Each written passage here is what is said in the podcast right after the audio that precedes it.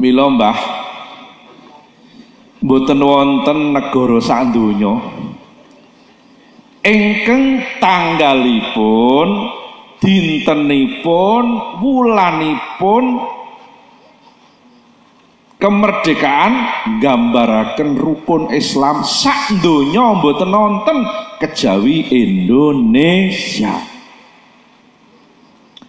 Cobi jenengan persani 17.845 niki gambaran rukun Islam. Indonesia merdeka dinten Jum'ah.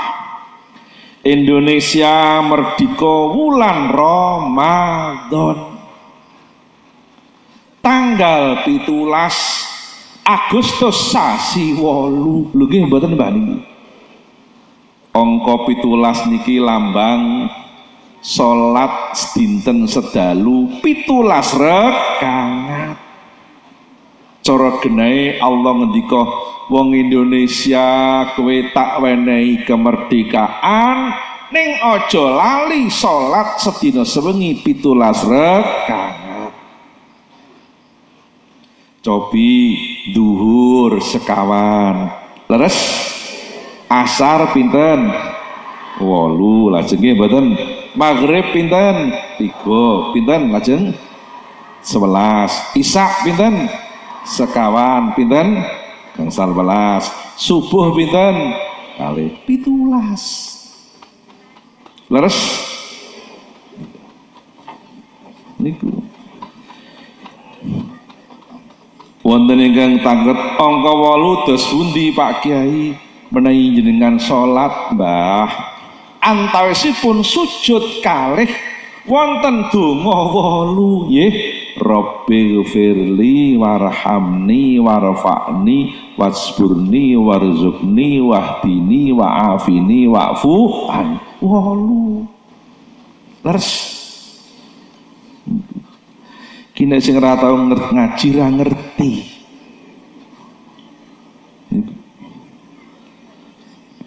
bukan saja secara kebetulan dibetulkan oleh Allah Subhanahu wa taala. Tahun kawan doso gangsal niku niku.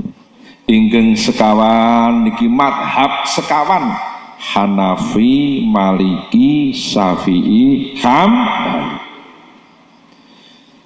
Tiang menika ngelampahi ngibadah kedah mawi madhab menggunakan metode. Menai tanpa madhab mendek langsung Quran hadis boten tingkatanipun. Kula jenengan niku Pak. Nuwun sewu. Leres. Kedah lewat madhab. Tiang ibadah lewat madhab menika ibaratipun griya jenengan badhe ngandhapaken listrik niku. Mboten perlu pasang kabel piyambak teng wadas lintang. Mudeng mboten Mbah niki. Wadas lintang ki pusat tenaga listrik. Lho nggih mboten niku. Medun tekan pejingkolan. Ngetos pejingkolan mboten Mbah. Cedak jembangan ngriko nggih mboten niku Samonate dateng jembangan apa dereng? Menawi teng jetis. Ketawang mangke sakit terus teng jetis mangke lho. Napa teng rawa? Mudeng mboten. Dados Quran hadis Quran niku sumber hukum niku wadas lintang sumber tenaga listrik menawi griya jenengan dalem jenengan badhe ngandhapaken listrik boten perlu masang piyambak teng wadas lintang. Cekap lewat napa kabel-kabel sing pun onten trafone. Trafo niku penyaringan niki madhab trafo niki ngertos trafo mboten Mbak? Wong disa ngarani tranfo niki trafuki barang sing gedene sak dandang tememplek nang togor kuwi jenengane trafo. Niku. Dan niku trafo niku Maliki Hanafi Syafi'i Hambali. Medun tekan rumah ini wis lewat penyaringan. Niku Mula bermadhab hukume wajib. Niku.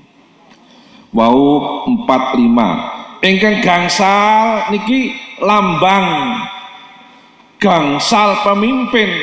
Kanjeng Nabi Abu Bakar Umar Utsman Ali. Indonesia merdika wulan Ramadan niki pun Allah ngendika wong Indonesia tak wenehi kemerdekaan ning aja lali poso wulan Ramadan. Niku. Indonesia merdeka dinten Jumat Mbah niku. Allah cara genahe ngendika aja lali wong Indonesia tak wenehi kemerdekaan ning aja lali yen dina Jumat do Jumatan. Mangsane jemuan malah mancing ngonten mboten niku? Sing wis ya wis. Mudeng mboten Mbah niku. Niku. Mila nalika Bung Karno maosaken tek proklamasi teng pegangsaan timur Jakarta. Bung Karno niku dijajari putra kiai. Sing jejeri Bung Karno niku putra kiai. Saking kampung Batu Hampar Payakumbuh Sumatera Barat ramanipun naminipun Ustadz Ki Haji Jamil guru Torekoh Naksabandiyah Kholidiyah duwe putra asmane Muhammad Hatta mendampingi Bung Karno ketika Bung Karno membacakan tak proklamasi. Muhammad Hatta kalau akhiripun terpilih sebagai wakil presiden pertama. Niku putra kiai Pak Hatta niku sayangi sejarah Pak Hatta putra kiai putra torekoh. Ratau diterang nang sekolahan. Lho nggih mboten balik sing diterang mung bapak koperasi betul Dados ramanipun Pak Hatta menika Bapak Ki Haji Haji Jamil. Ki Haji Jamil saking desa Payakumbuh Kampung Batu Hampar Kecamatan Kabupaten Payakumbuh Sumatera Barat. Samonate dateng Sumatera Barat napa dereng Kula sampun. Kula nate dumugi pelabuhan Teluk Bayur nate. Wonten malin kundang kula nate dugi mriku. Niku mudeng mboten niku. Ngertos Teluk Bayur mboten lagune Erni Johan nika lho apal mboten Selamat tinggal kas. Apal kabeh. Daku pergi jauh ke negeri se. Ayo terus ke ayo. Di negeri orang. Terus.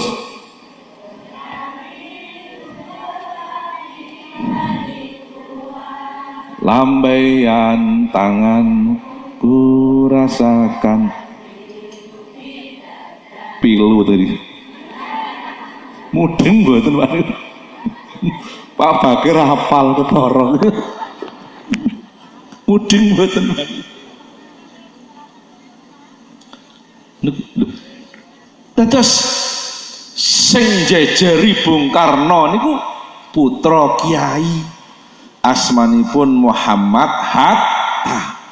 Ramanipun asmanipun Ustadz Kiai Haji Jamil. Saking Sumatera Barat mereka lil alamin napa rahmatan lil muslimin? Lil alamin mulane iso kabeh Ojo kok anggere Islam wong mesti peti sireng. Peti sireng niku Indonesia. Orang mesti nek wong petisan ireng kaya kula mesti Islam burung tentu. Soalnya wong keplek yang nganggo peti. Lah nek kula ceramah gue helm rame ora? Lah mula yo sakniki. kula ndi penemu. Islam niku milih 10 padha karo pira tambah pira. Ora kok 5 tambah 5 no pira. Tak beleni kita wis ora sing mantuk ning ora balik. Mantuk ora balik. Islam niku milih 10 padha karo pira tambah pira. Ora kok 5 tambah 5 no pira. Nek 5 tambah 5 no pira? Wis liyane niku salah ta? Islam mboten nganten. Islam ki 10 padha karo pira tambah pira. Beda kowe kabeh. Entuk waton jumlahe 10. Nek kene ngomong 5 tambah 5 wong kuwi 10 aja kok salahke. Nek jejermu ngayal pitu tambah telu. Apa ya kok salahke? Kono ngayal songo tambah ji. Sebel kene gemerembeng 8 tambah loro. Sing kene 6 tambah 4 mburi gembor selawe kurang 15. Entuk mboten?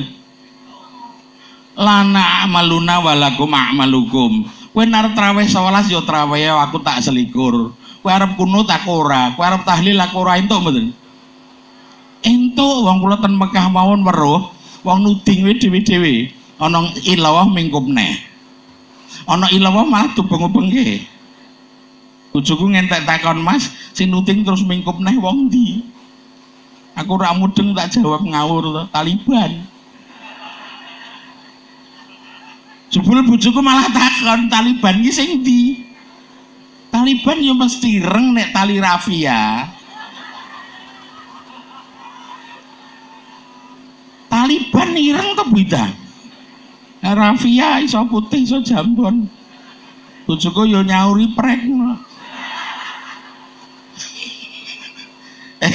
kerep tak gadai suwi-suwi cerdas. Orang metik pelemok takon piye carane ben iso legi ya petik kliwon kan sesuk mesti legi. Ya ngandel ora nek pelem dipethuk kliwon sesuk legi.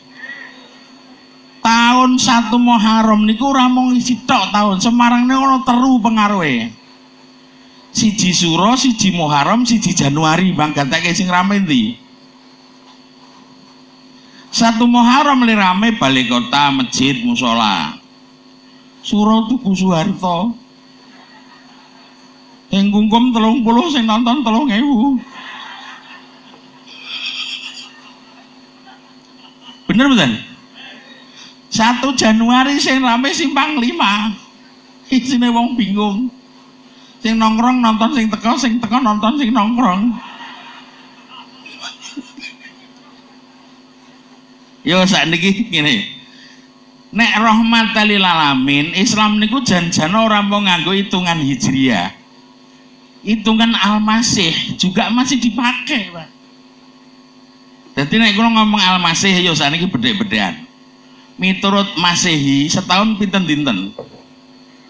365 ya, emang katanya omongan kula. Kata hari dalam bentuk mufrad tunggal itu yaum dalam bahasa Quran. Quran ini menyebut yaum 365 kali, Pak. Coba rasake. Tembung yaum dibaleni ping 305. Padha jenengan nek ngomong masih itu. Ayo saya tak takon meneh. Sebulan pirang dino? Jawaban nakal para kuwi. Wolu likur kabisan songo likur dino. Ora kabisan likur nggih. Patang tahun pisan. Ana sing terjadi 31. Ana sing 30 nggih.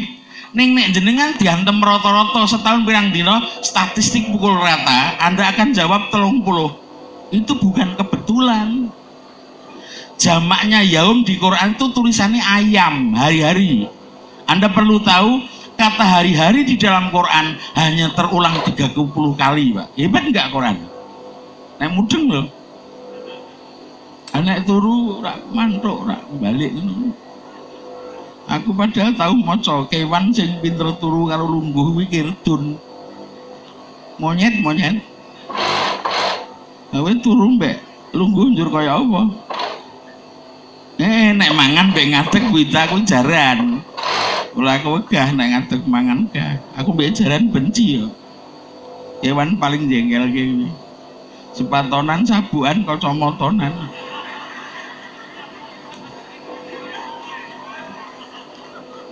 Loh, jaran ki sepatonan loh. Kacamata wene tupi rai. Sabuk ngentek nglewer. Sing disabuki apa?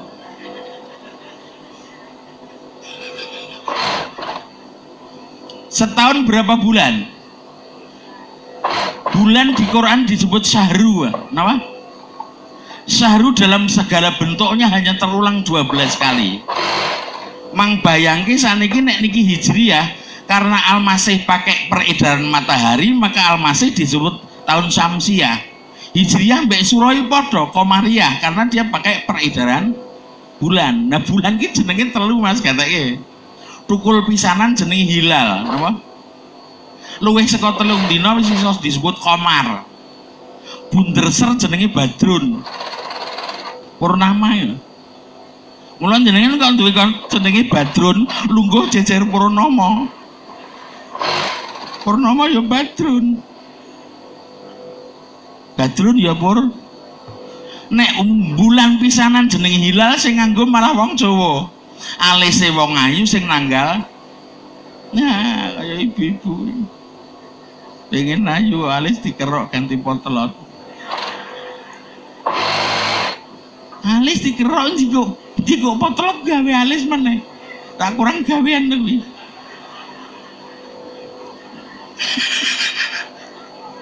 Bojoku tahu nggo ngono pipine diabang-abang kok bar dijebret karet ya. Turu ngentek tahu sih metu kok anan gendruwo no. Bare dhewe metu aku cotho tak undang meneh deh. Aku dunekke genten kok jare aku gendruwo. Aku yo gendruwo lanang. Lah Mas Edi pengen telepon aku. Yi, Sunan Kuning nek iso seminggu pisan ulango. Aku nek nyauripe nak tau golek kiai sing wis blawur.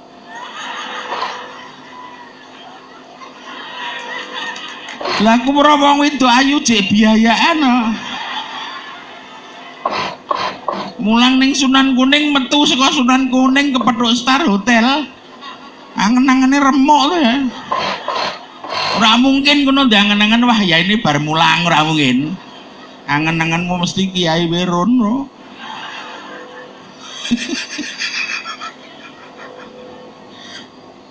Jadi hitungan tahun gue nek metu jenenge hilal. Luwih saka telung dina iso komar. Perputarannya beda katanya. Masehi itu lebih panjang 11 hari ketimbang Hijriah, Pak. Nek 365 Masehi, Hijriahnya pasti 354. Yo dihitung. Satu abad satu abadnya Hijriah 100 tahun itu pasti 103 nya Masehi 103 nya Hijriah emang itu 100 tahunnya Masehi itu pasti 103 nya Hijriah 200 tahunnya Masehi 206 nya Hijriah 300 tahunnya Masehi berapa?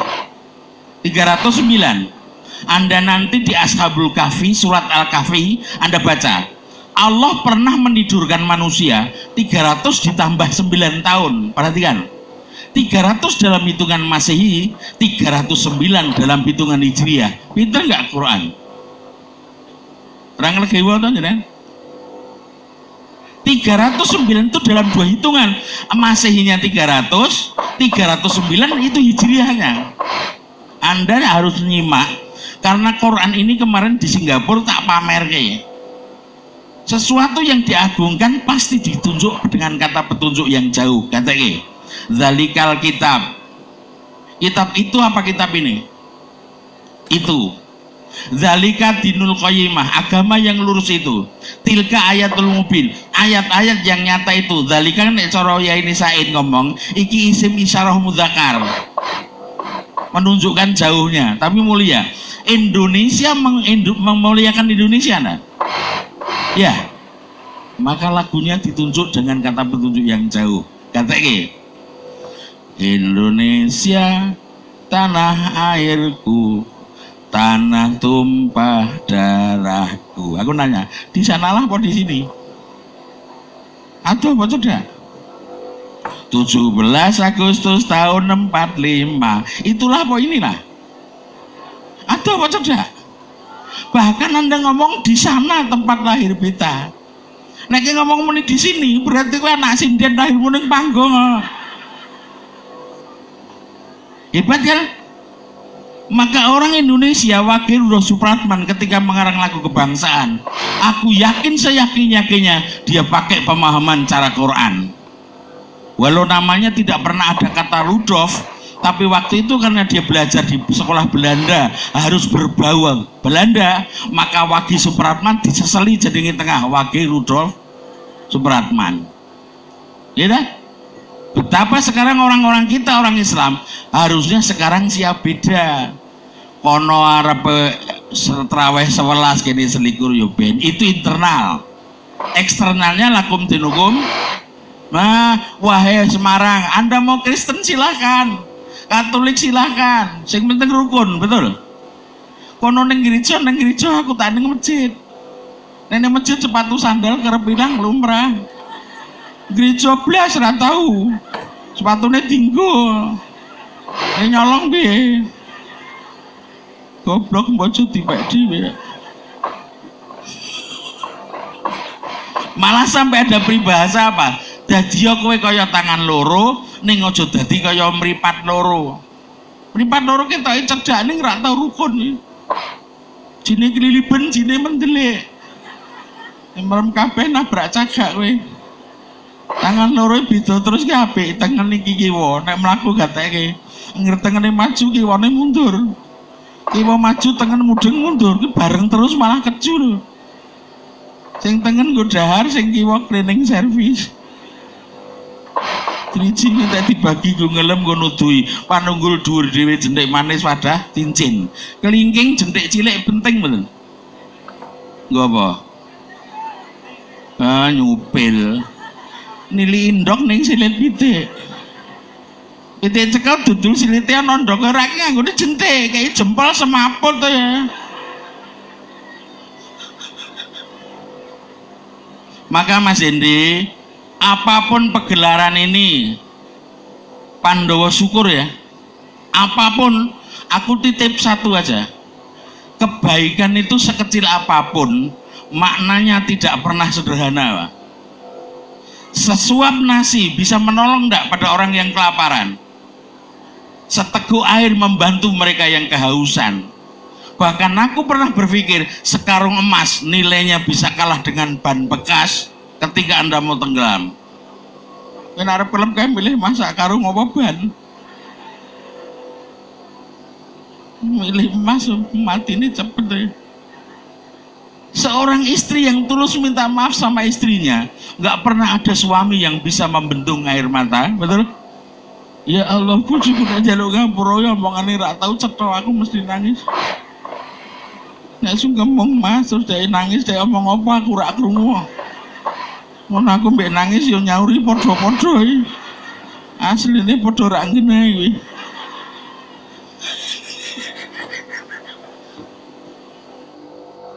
tiang dados manten tujuannya supados tentrem ayem leres serayan apolokrami bangun balai griya tujuannya supaya tentrem ayem tentrem ki kagungane Gusti Allah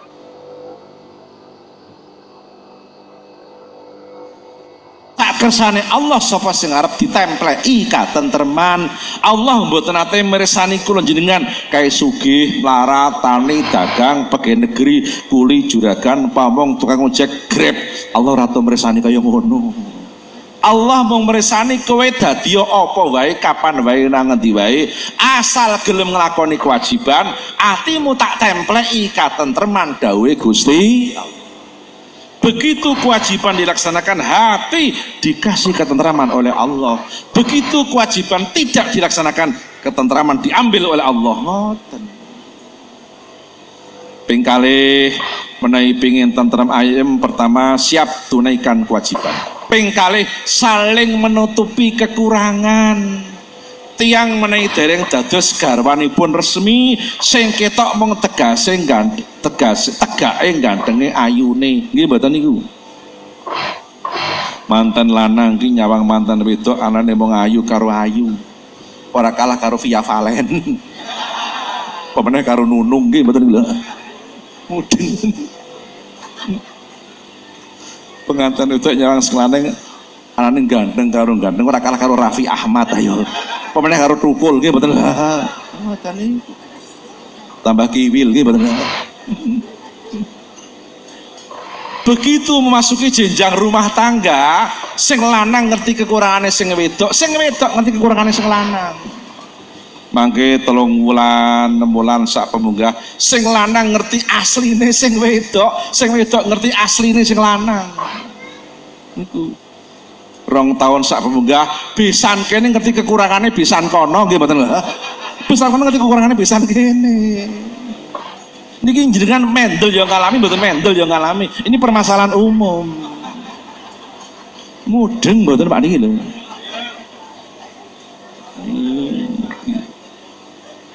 Tapi kalau jenengan niku lak tiang gadah iman, leres jadi penganten tujuannya bareng-bareng golek ridane Gusti.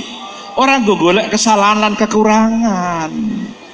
Rano menungso kang sampurno kejaba nabi lan garwa-garwane kanjeng nabi. Maka yang namanya pria idaman pria anggun pria idola itu hanya ada dalam tulisan nyanyian dan puisi serta kepingan sidi. Yang ada pria dengan segala kelemahan dan ke kekurangannya walaupun pria bukan sembarang pria. Kalau nggak ada lu nggak rame gitu betul lah itu iklan rokok gitu betul lah mudeng betul itu yang namanya wanita anggun, wanita idola hanya ada dalam tulisan nyanyian dan puisi serta kepingan sidi kecuali istri Nabi, betul? Yang ada wanita dengan segala kelemahan dan kekurangannya walaupun wanita adalah tiang negara kata Nabi. Nabi mengatakan wanita adalah tiang negara. Kalau tiang itu kokoh, kokohlah negaranya. Kalau tiang itu roboh, robohlah negaranya. Wanita adalah tiang negara, kalau pria adalah tiang jaler. Cetok banget loh. Mudeng betul Pak niku Sadar kekurangan Mula samong somong sing lanang ngerti kekurangan sing wedok, tutupono. Liya dina sing wedok ngerti kekurangan sing lanang, tutupono. Jangan saling membuka. Kok buka wadine bojone dosa gede marai ora tentrem. Mudeng mboten Pak niki. Nggih tok apa dilakoni ayo nuwun sewu ngoten ping tiga wis kesuwen iki ndelok jam meneh Sepisan tunaikan kewajiban, ping kali saling menutupi kekurangan. Maka Allah memberikan isyarat dalam Al-Quran, hunna libasul lakum wa antum libasul lahun. Ping tiga, saling berebut mengaku salah ketika ada permasalahan. Isin paling abot pingin rumah tangga tentrem ayam siap rebutan ngaku salah kalau ada permasalahan Pak Bu konten yang kalih injing-injing menjelang subuh padu rebutan ngaku salah. Onten boten onten kanjeng Nabi kali garwanipun? Ayo.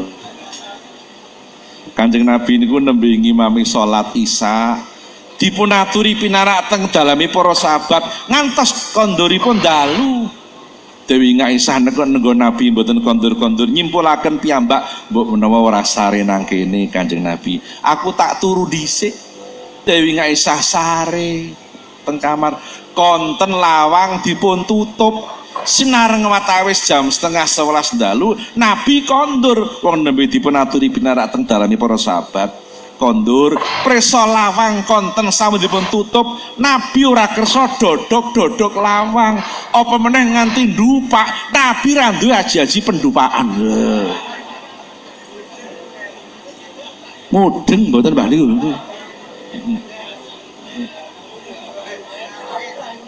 Nabi gelar serban sare wonten tritian ngajeng lawang Nuwun sewu Bu garwa jenengan nate sare teng tritian napa dereng? Pak, mbok raketang sewengi, engko bengi do nyonto Kanjeng Nabi nggih. Sare nang tritian, anggap saja sis kamling ngeten mawon lah kepenak. Nabi sare wonten Nabi orang yang amat indah namanya.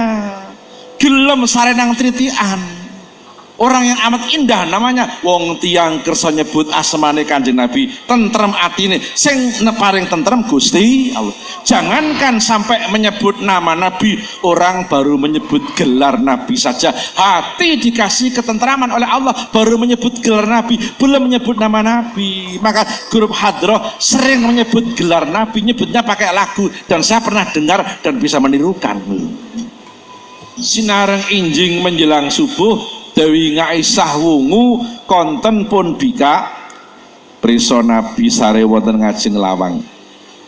Pun sewu sugeng rawuh Pak. Slamet Rianto. Kepareng kula nerasaken rumiyin niku.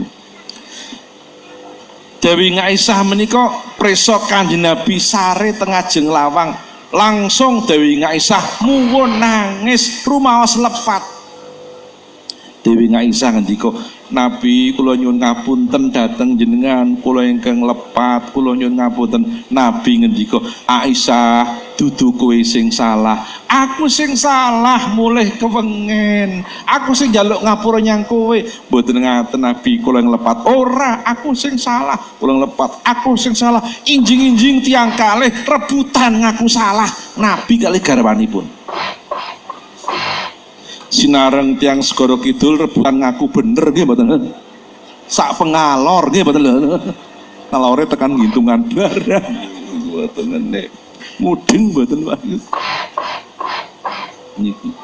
Kepingin tentrem ayam begitu ada permasalahan siap berebut mengaku salah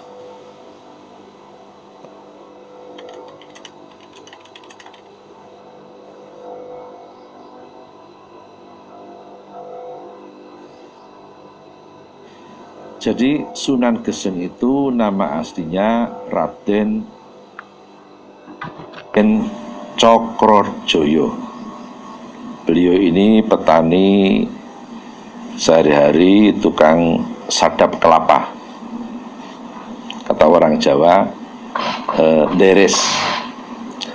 Lah Sunan Geseng kalau nyadap kelapa biar enggak capek sambil apa tadi eh, sambil sampai loncat-loncat nyanyi. Nyanyinya pakai bahasa Jawa. Tungkulun tangkelantung wong deres buntu te bumbung begitu. Ketika bilang tungkulun tangkelantung wong deres buntu te bumbung ada wali dari pantai utara lagi dakwah di pantai selatan tanah Jawa di sekitar Purworejo. Beliau adalah Raden Syahid Sunan Kalijogo Bali yang suka pakai belangkon. Kemudian Susunan Kalijogo bilang, eh le, kamu kalau nyadap karet eh, bahasanya nggak cuma itu. Saya ajari saya tambah, ada doanya juga, itu. Diajari syahadat, istighfar, selawat dikir. Terus Sunan Kalijogo bilang, ntar kalau kamu nyadap karet mau berangkat, jangan lupa baca Bismillahirrahmanirrahim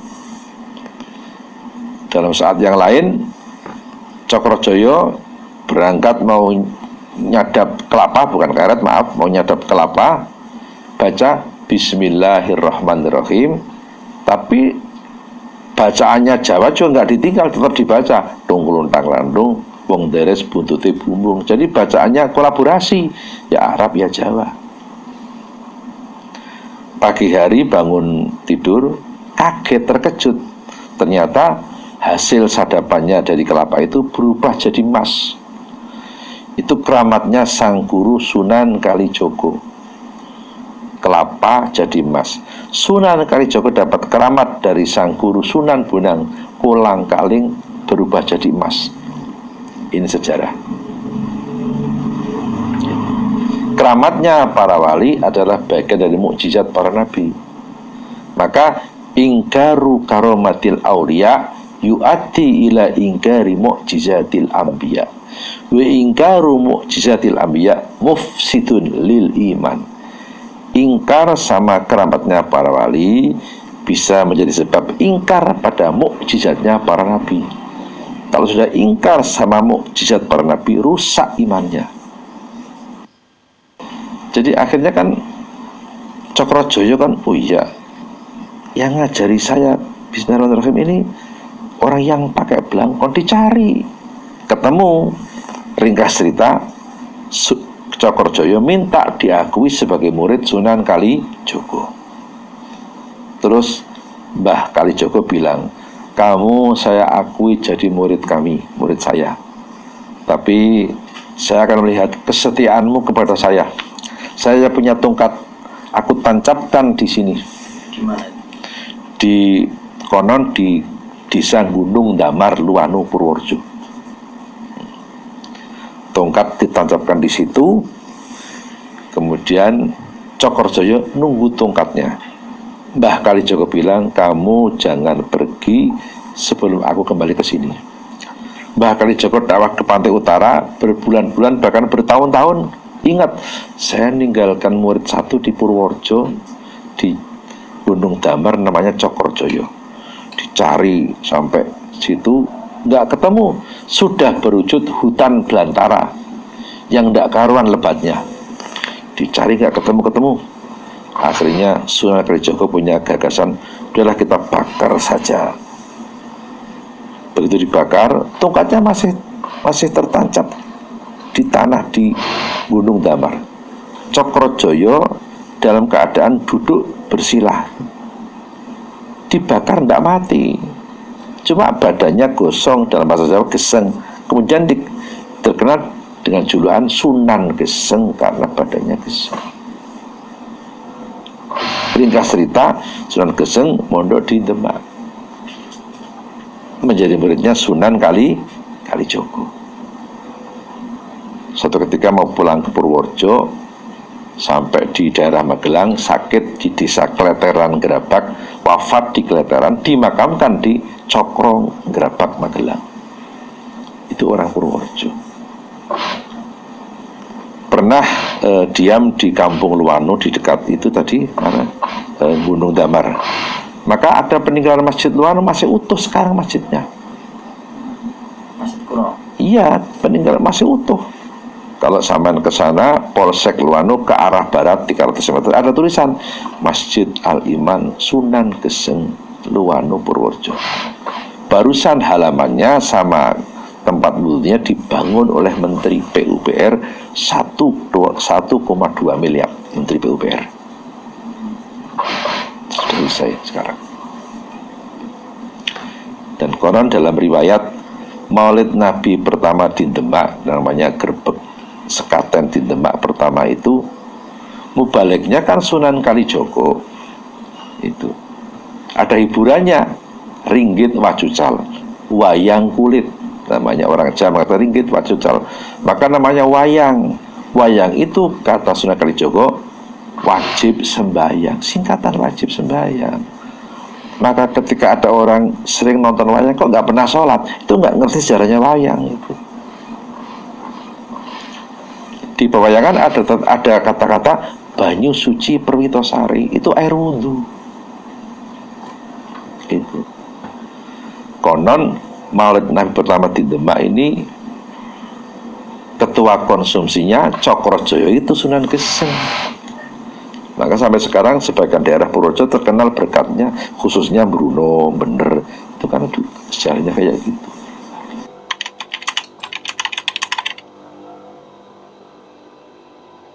Ya setiap berkat itu berkat satu ada ikungnya. Malah dulu almarhum Bapak Kiai Yasin Yusuf Orator besar Pernah diundang ceramah Maulid di Bruno Dapat berkat ingkungnya itu Kambing muda. Cempe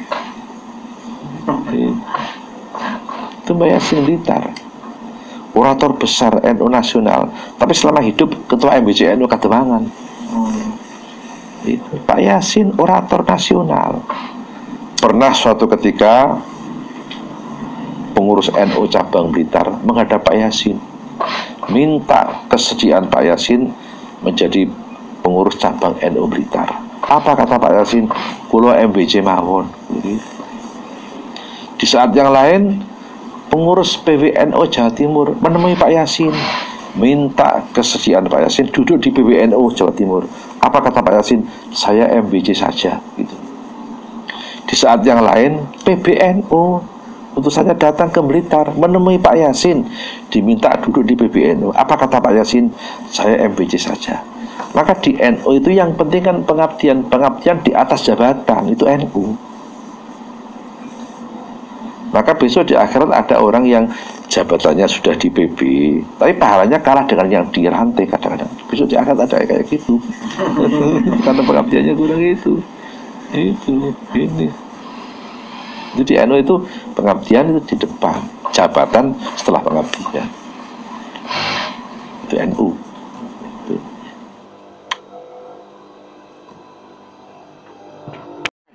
Apakah dia menjadi tumbal partai perkara? Betul, aku korupsi, iya. Karena aku menerima. Betul. Walaupun menurut aku ya gitu ngomongin 10 tahun lagi lah seperti dalam persidangan gitu loh which is I'm just going to shortcut aku memang menerima walaupun menurut aku tapi kan it's going to be so subjective gitu. I didn't do it alone Kamu tidak melakukannya sendiri. yes gitu. Dan di awal-awal tahun pertama kedua gitu sampai ada ucapan bahwa I'm not Jesus gitu. I didn't I don't want to sacrifice for all of it gitu ya. Artinya talking about single fighter kan. Karena kan korupsi di mana-mana nggak mungkin single fighter tempat inilah, proyek inilah adalah bagian salah satu bagian yang merontokkan elektabilitas Partai Demokrat ketika peristiwa-peristiwa itu terjadi. Dan yang paling penting, sebagian besar dari kawan-kawan kami yang terlibat sudah menderita, sudah dimasukkan ke tempat-tempat yang harus mereka masuk karena kesalahan. Tetapi ada yang tidak tersentuh hukum yang juga menikmati hasil dari sini ada yang tidak tersentuh hukum sampai hari ini. Sekarang yang ketar-ketir adalah Cikeas. Apalagi kalau ditambah bebasnya Anas. Kasus Hambalang masih merupakan bola panas. Sedemikian banyak uang negara rugi. Pelakunya hampir semua sudah diadili. Tapi konon masih ada satu lagi. Kita nggak tahu siapa pelaku yang tersisa yang ikut menikmati jatah-jatah proyek negara. Egy, mantan politisi partai berkarat di Indonesia akhirnya buka suara soal tindakan korupsi yang dilakukan olehnya yang membuat dirinya dipenjara pada beberapa tahun. Masa ditahan membuat dia menyesal tidak bisa melihat si kecil tumbuh kembang dari usia 2 sampai dengan SD. Penyesalan itu membuat dirinya begitu sedih. Waktu bersama buah hati dikorbankan hanya demi sebuah tindakan korupsi. Perempuan ini pun pada akhirnya diwawancara dan membuka banyak tabir mengenai korupsi. Kandang kebo pun dilanda badai Angie yang membuat kebo-kebo bertebangan. Saya kira apa yang dikatakan Angie ini sangat betul dan sangat relevan. Korupsi tidak mungkin dilakukan sendiri. Lagi pula tindakan korupsi itu adalah tindakan berjamaah yang begitu terstruktur, sistematis dan masif. Bayangkan saja di masa partai tersebut berkuasa, KPK masih saja bisa tangkap-tangkapin mereka. Ketakutan terlihat di wajahnya meski dia sudah bebas. Dia masih takut jika ia mengatakan segala sesuatu secara benar dan terbuka, maka keselamatan anaklah yang menjadi ancaman. Dia dicap koruptor dalam kasus mega korupsi Hambalang oleh KPK dan pengadilan. Menakutkan. Siapa aktor besar itu? Apakah dia orang yang bertubuh besar dan sekarang nggak bisa tidur di istananya? Yang tertangkap saja banyak dari partai penguasa. Tapi orang-orang itu adalah para petugas partai yang kecil-kecil.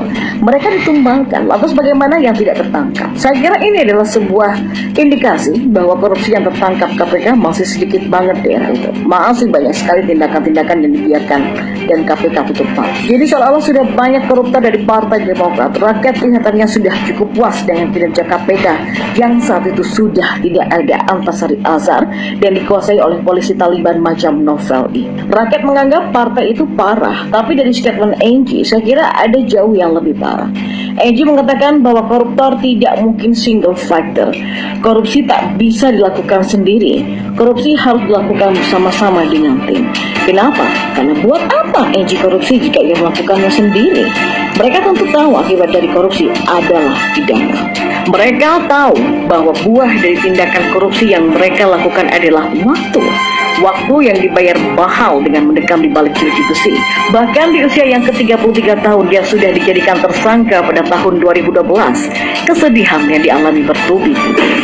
Tidak mungkin orang-orang mau dipenjara karena korupsi. Korupsi itu dilakukan secara sadar. Dan secara sadar juga mereka yakin bahwa mereka tidak akan dipenjara. Tapi mereka lupa bahwa ada tumbal yang harus dikorbankan untuk melancarkan tindakan korupsi itu. Uang sudah masuk ke kantong para penguasa. Mereka dikorbankan dan keluarga mereka menjadi sedih. Saya kira Angie cukup jujur dan berani mengungkapkan apa yang terjadi dan apa yang sebetulnya menjadi sebuah budaya yang dilakukan saat ia bergabung sebagai anggota partai berkarat itu. Angie yang dipenjara 10 tahun ini akhirnya buka suara meski tidak total. Kelihatannya dia masih takut karena ada kartu truf yang dipegang oleh mantan bosnya.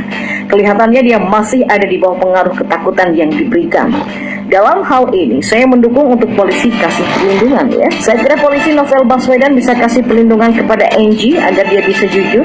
Dan kita tahu sekarang si Novel sudah ada di kepolisian dalam bagian pemberantasan korupsi. Artinya Novel bisa lindungi Angie dong, karena dia juga sudah punya tanggung jawab itu. Jadi jangan cuma asik-asikan nyinyir dong ya. Kita harus mendukung Angie agar bisa membuka semua tabir partai berkerat itu. Kita mendukung agar polisi bisa menjamin kebebasan dari Angie agar dia bisa bicara lebih jujur lagi dan lebih terbuka lagi agar semua tabir disingkapkan. Saya merasa kasihan sama Angie karena dia kelihatannya dijadikan tumbal. Meski saya tak bisa membenarkan tindakan korupsi seperti apa pun, saya kira Angie harus membuka nama-nama orang di balik itu. Sebab korupsi itu akan langgeng jika penguasa terdahulu merasa aman dan kebal akan hukum. Padahal kita tahu bahwa ada juga koruptor di partai berkarat yang sudah menyebutkan nama putra mahkota yang ada di Cikeas. Tapi sampai saat ini kelihatannya KPK masih mengulur-ulur waktu seolah-olah menghentikan asa kadaluarsa. Ada kadangnya loh ya waras loh. Kenapa ketakutan? Pengecut.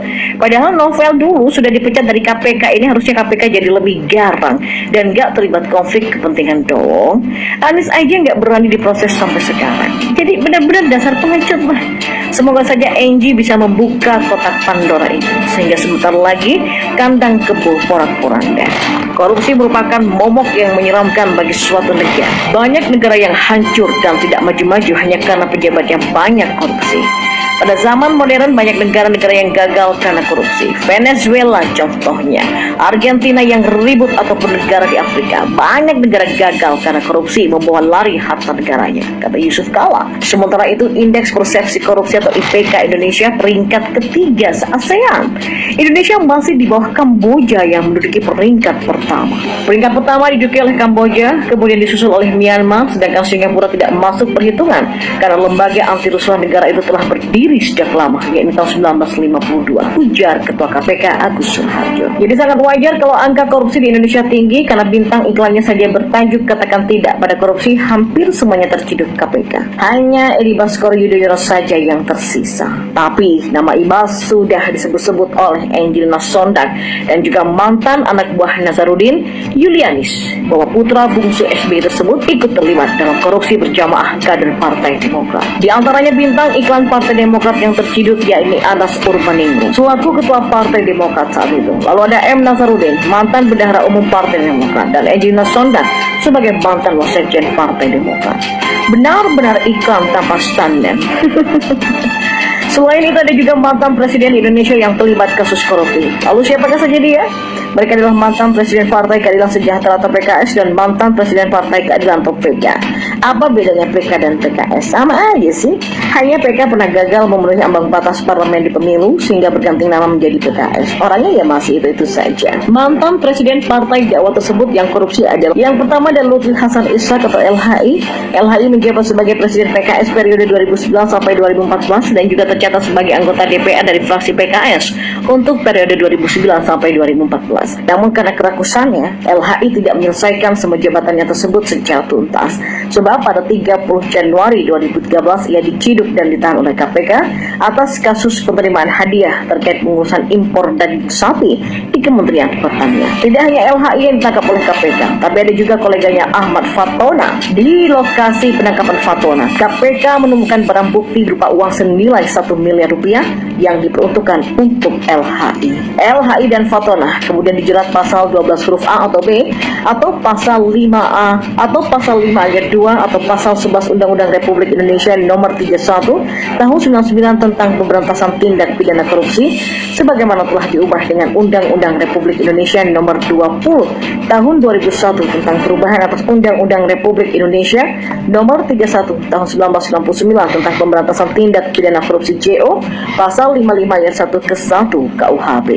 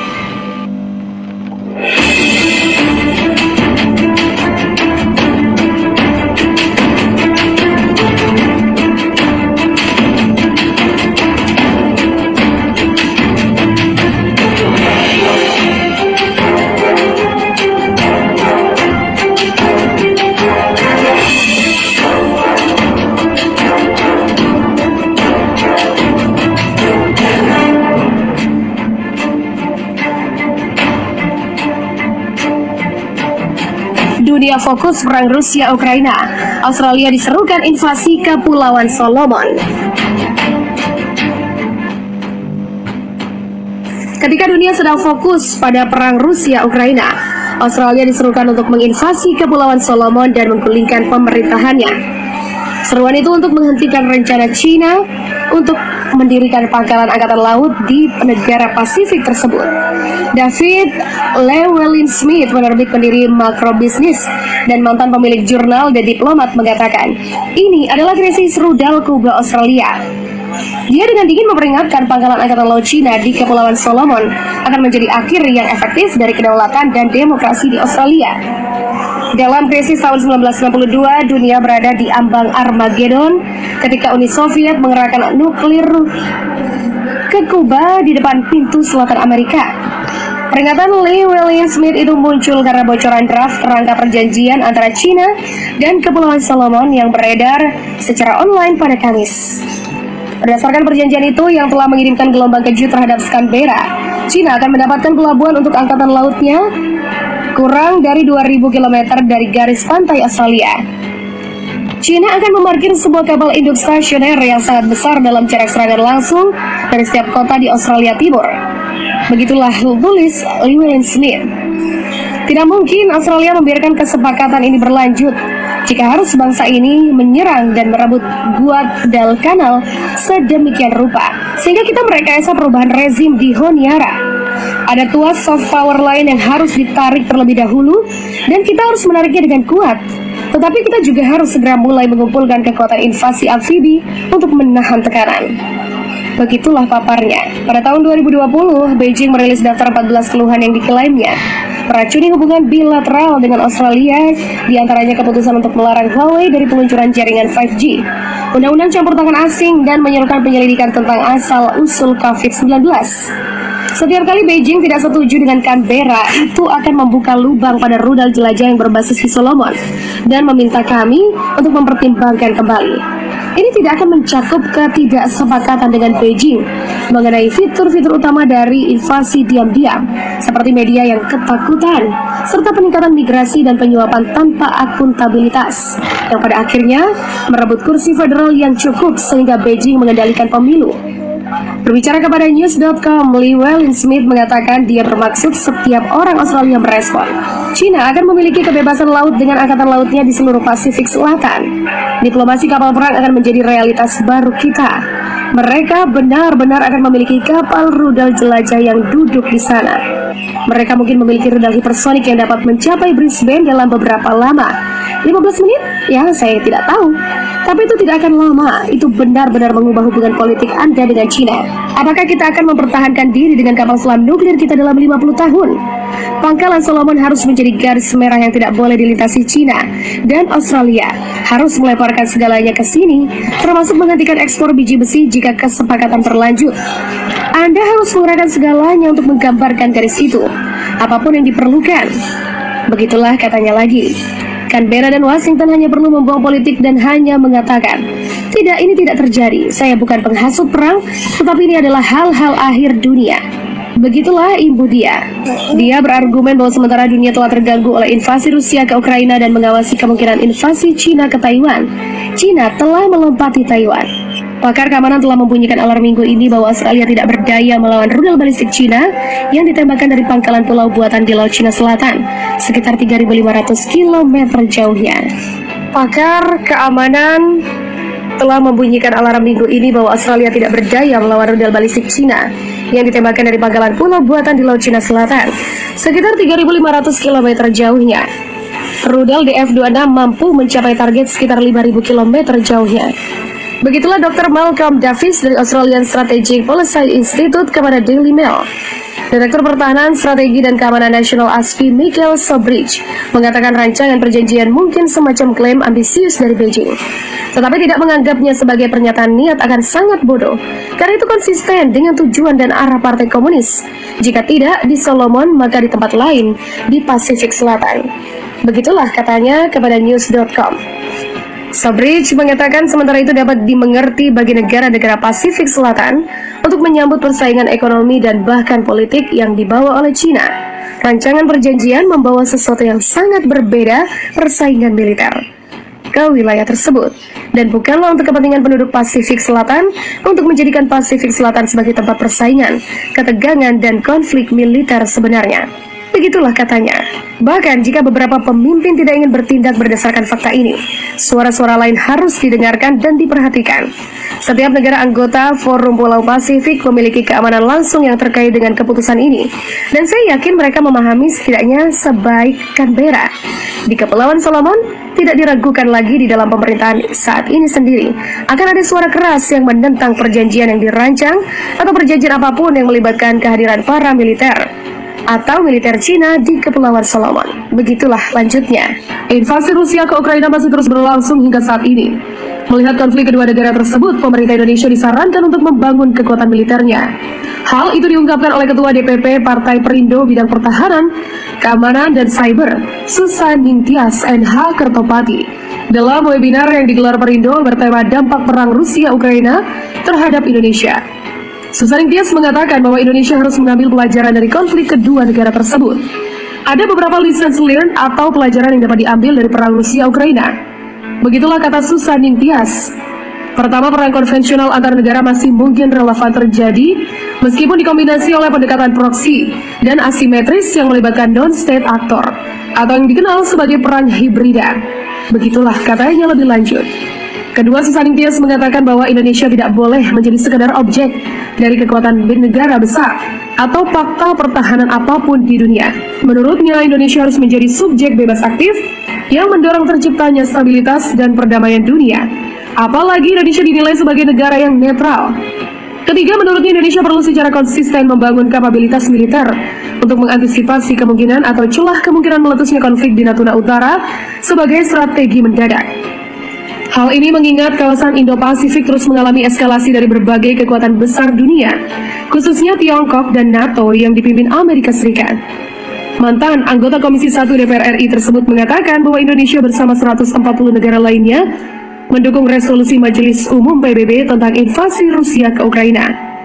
Resolusi itu di antaranya menuntut penarikan penuh pasukan Rusia dari wilayah Ukraina tanpa syarat apa pun. Ini merupakan amanat konstitusi sebagaimana alinea keempat pembukaan Undang-Undang Dasar 45 untuk ikut melaksanakan ketertiban dunia yang berlandaskan kemerdekaan dan perdamaian abadi. Begitulah tutur Susaning Tias. Dia menilai bahwa Indonesia selalu bersikap konsisten dalam penerapan hukum internasional dan piagam PBB. Hal itu sebagai upaya menghormati kedaulatan kemerdekaan dan integrasi negara lain untuk itu, di sisi lain Indonesia harus memainkan peran dan posisi diplomasi yang sama apabila negara anggota NATO melakukan intervensi dan agresi militer terhadap negara lain. Menurutnya, Indonesia yang merupakan penggagas gerakan non-blok dan ketua G20 sehingga bisa berperan aktif untuk mendorong Rusia, Ukraina, dan NATO menghentikan segala agresi. Indonesia dapat berperan aktif untuk mendorong Rusia, Ukraina, serta NATO untuk menghentikan segala agresi, penggunaan kekuatan bersenjata, dan intervensi terhadap negara lain. Susaning Tias melihat bahwa sanksi ekonomi Barat terhadap Rusia tidak akan berdampak signifikan, apalagi sanksi saat ini lebih rendah dibandingkan yang pernah diberikan pada 2008 dan 2014.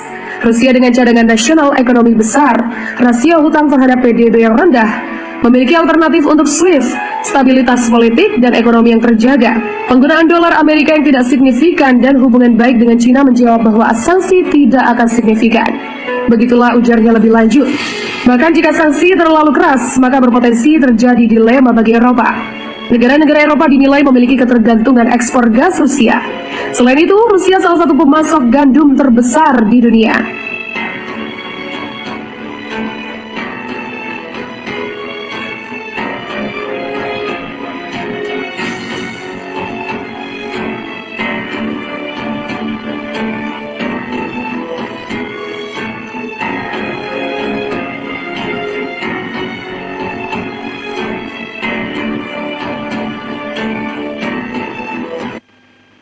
Mak Jelop dulu mau lengserkan Ahok, sekarang M. Taufik yang dilengserkan oleh Gerindra.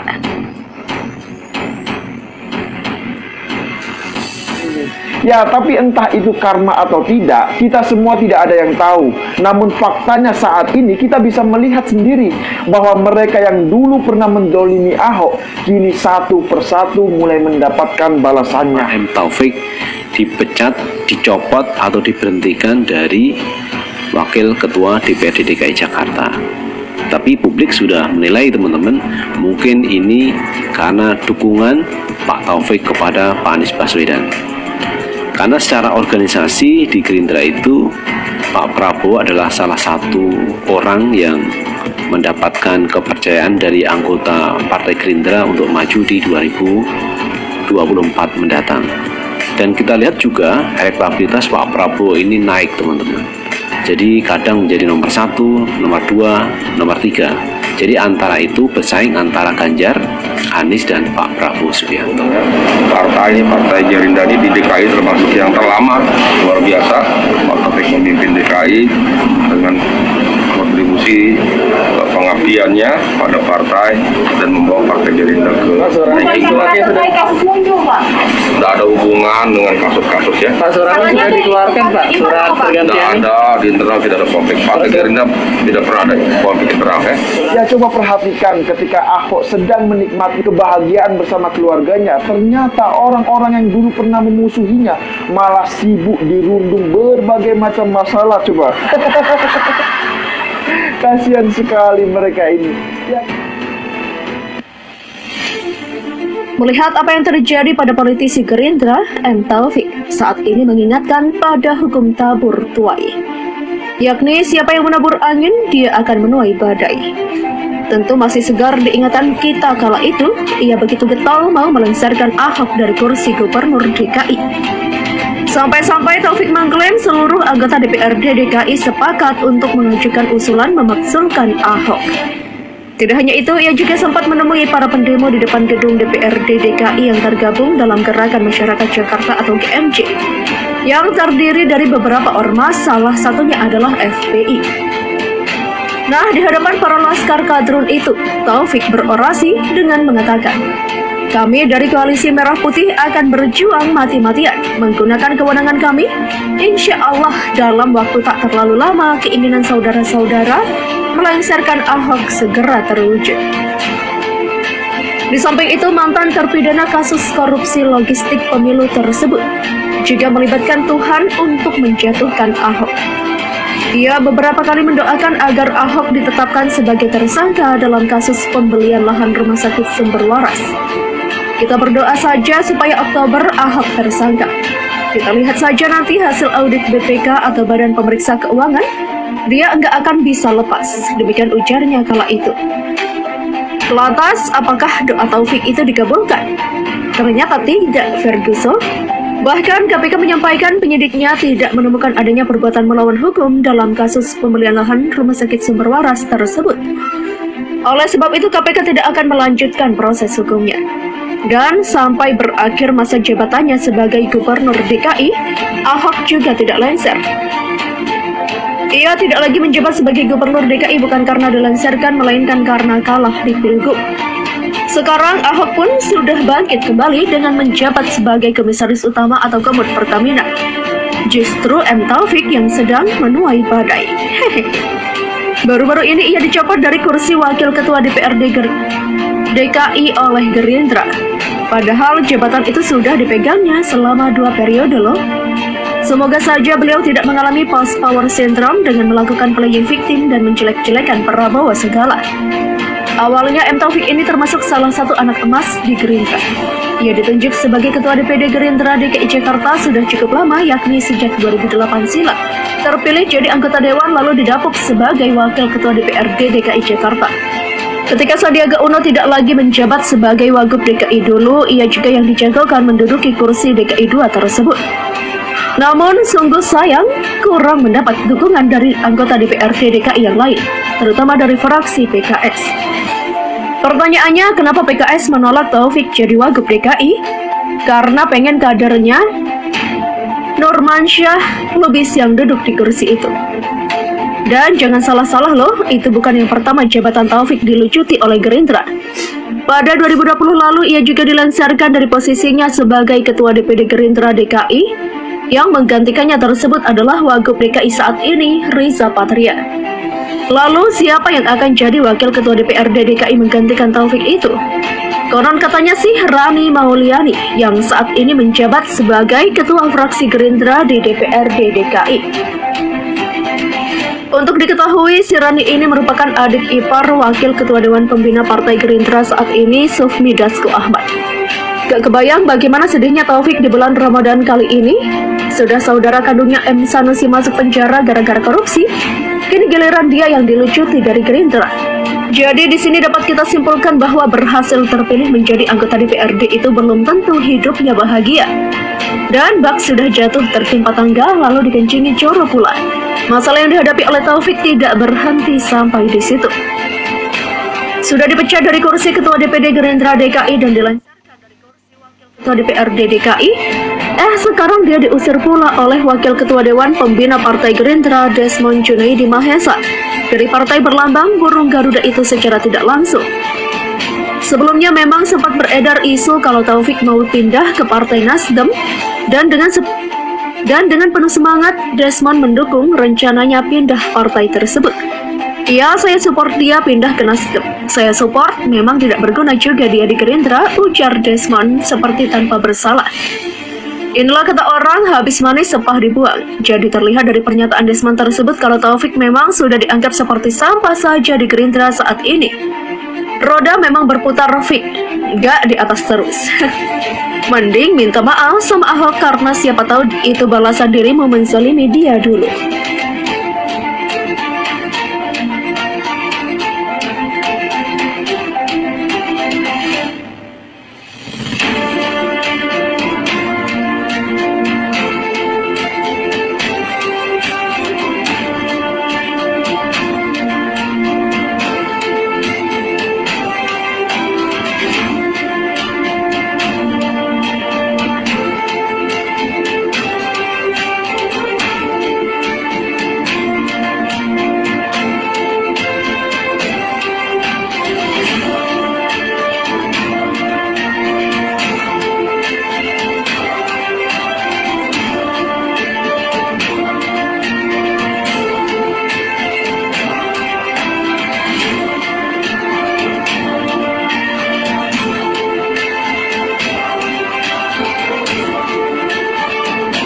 Tizan, upaya apa pun dari Jokowi dan Kapolri untuk menanggulangi terorisme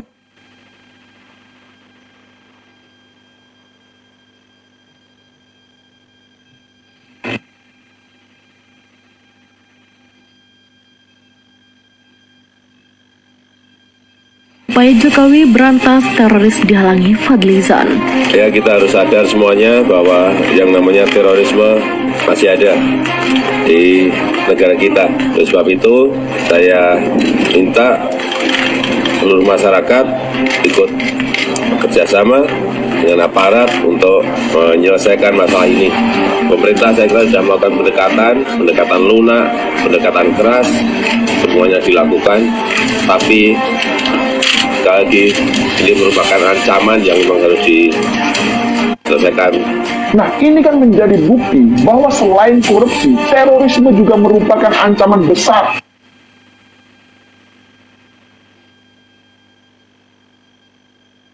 bagi negara ini. Jadi kenapa giliran terorisnya ini ditangkap oleh pihak Densus 88, kok malah yang nangkap ini yang disalahkan? Bahkan Fadlizon pun sampai meminta agar pihak Densus 88 dibubarkan. Nah ini gimana ceritanya? Nah, saya kok jadi bertanya-tanya, jangan-jangan Fadlizon ini ingin menjadi bapak pelindung teroris Indonesia? Ya siapa tahu kan, mumpung posisi ini belum ada yang menempati, jadi Fadlizon ingin mengambil posisi ini. Kalian pasti nggak tahu, karena tidak ada di berita, kalau sampai sekarang sudah 52 orang anggota Densus yang gugur di dalam tugas. Makanya, ketika Fadlizon dengan entengnya, dengan mulut besarnya, bilang supaya Densus 88 dibubarkan saja, saya termasuk orang yang sakit hatinya. Orang ini benar-benar busuk hatinya, gak sedikit pun punya empati, gak pernah menghargai kerja orang yang sudah susah payah menjaga negeri ini. Dan ini diucapkan oleh orang yang duduk di kursi yang disebut wakil rakyat. Rentetan teror yang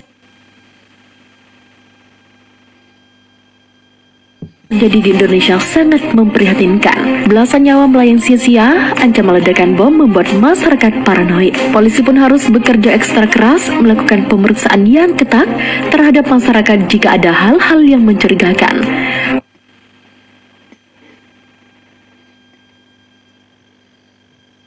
Tanpa menakut-nakuti Indonesia boleh dikatakan sedang darurat teroris. Perlu upaya pemerintah dan masyarakat untuk bekerja sama melawan teroris. Salah satu kendala untuk memberantas habis teroris adalah Karena revisi undang-undang anti terorisme yang belum juga rampung, polisi tidak bisa bebas untuk melakukan tindakan terhadap orang-orang yang terindikasi sebagai teroris. Oleh sebab itu, Jokowi meminta dapat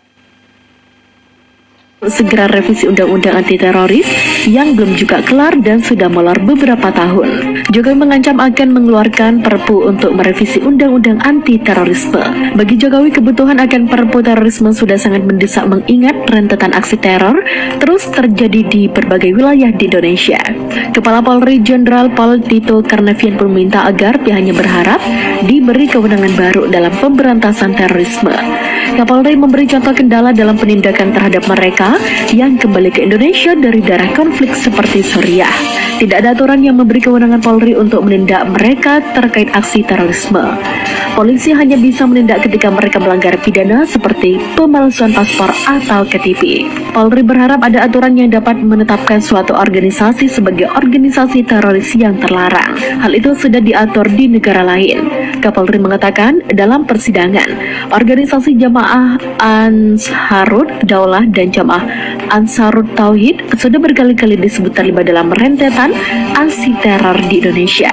Namun sayang sekali, upaya Jokowi dan Tito untuk melawan dan memberantas teroris justru dihalang-halangi oleh Fadlizon. Fadlizon tidak sepakat dengan rencana Presiden Jokowi menerbitkan peraturan pemerintah pengganti undang-undang untuk merevisi undang-undang anti terorisme. Hal itu disampaikan Fadli menanggapi rencana Presiden menerbitkan Perpu jika revisi undang-undang terorisme tak selesai pada Juni 2018. Perpu itu menurut saya tak diperlukan karena dalam pembahasan ini ini sudah mau final. Bahkan pada masa sidang lalu pun sebetulnya bisa disahkan. Tapi pemerintah yang menunda jangan kebolak-balik, kata Fadli di Kompleks Parlemen Senayan Jakarta. Ia memastikan akan ada pro dan kontra dalam di DPR jika Presiden menerbitkan Perpu anti terorisme. Menurut Fadli, saat ini tak ada kekosongan hukum untuk menenangi terorisme di Indonesia sehingga perpu tak diperlukan. Fadli meminta pemerintah segera menyelesaikan perdebatan di internal mereka terkait definisi terorisme. Sebab saat ini muncul di internal pemerintah muncul perdebatan definisi terorisme. Saat ini ada sebagai pihak di pemerintah yang mendefinisikan terorisme harus disertai motif politik dan sebaliknya. Selain mengancam akan mengeluarkan perpu tentang penanggulangan terorisme, Jokowi juga merestui pembentukan Komando Operasi Khusus Gabungan TNI untuk menanggulangi terorisme. Kapsuk GAP akan di bawah Komando Panglima TNI menurut Muldoko. Pembentukan Kapsus GAP tidak perlu menunggu RUU terorisme disahkan. Pembentukan ini merupakan inisiasi Panglima TNI Marsikal Hadi Jajanto.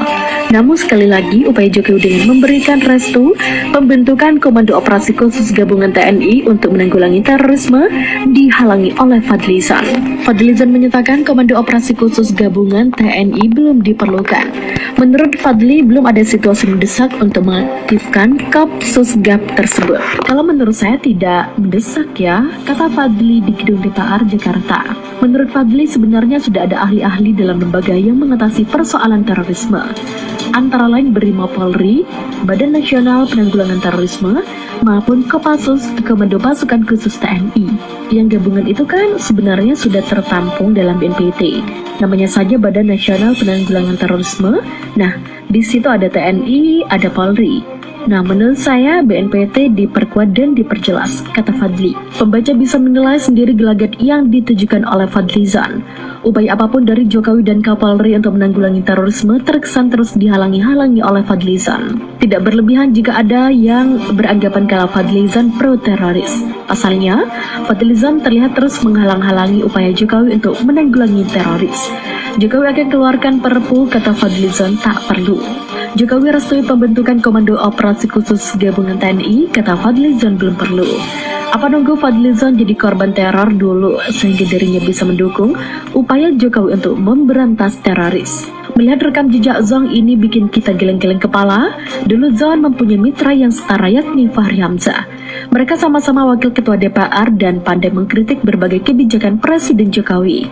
Tetapi sekarang ini Fahri Hamzah sudah keluar dari DPR karena sudah dipecat oleh PKS. Duet Fadlizon dan Fahri Hamzah sering memberikan inspirasi bagi kita untuk menjadi ide tulisan. Sayang, Fahri Hamzah sekarang ini sudah berkurang dalam memberikan inspirasi bagi penulis Word. Fadlizon memang unik. Dulu sering mengkritik kebijakan Jokowi dinilai wajar karena waktu itu Partai Gerindra berada di luar pemerintahan alias partai oposisi.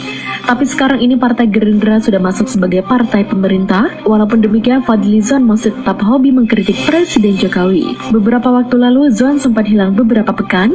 Fahri pun merasa kehilangan, sehingga mempertanyakan keberadaan Zon kepada anggota DPR, bahkan kepada Anies Baswedan selaku Gubernur DKI Jakarta yang merupakan teman kuliah Zon. Zon diisukan hilang setelah dikabarkan mendapatkan teguran langsung dari Ketua Umum Partai Gerindra, Prabowo Subianto, karena memprotes Presiden Jokowi.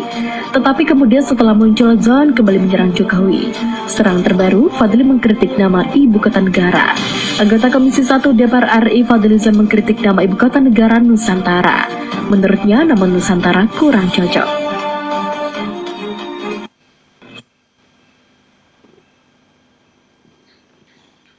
Baru menantu Habib Rizik langsung tuntut Jokowi mundur. Jika Halo, Jokowi tidak bisa awal lima putusan emas, maka kami bisa menyarankan sebaiknya Jokowi mundur.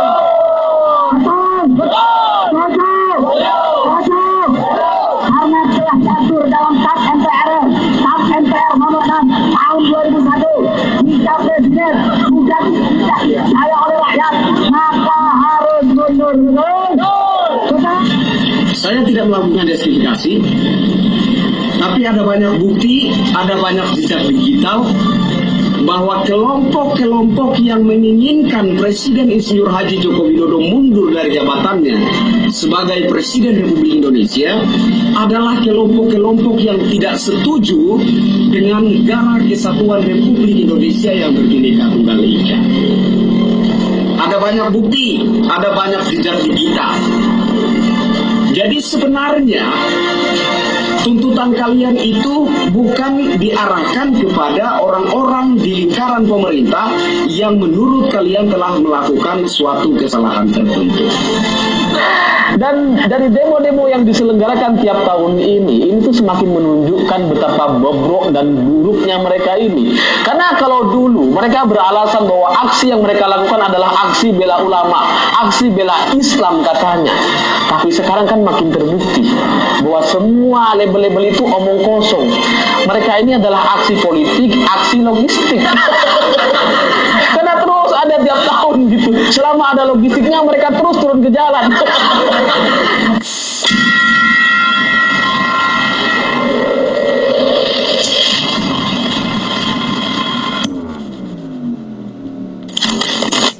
Front Persaudaraan Islam atau FPI kini punya ketua baru. Dia adalah menantu Habib Rizik Sihab Hanif Al-Atos yang langsung bersikap galak untuk menuntut Presiden Jokowi mundur dari jabatannya.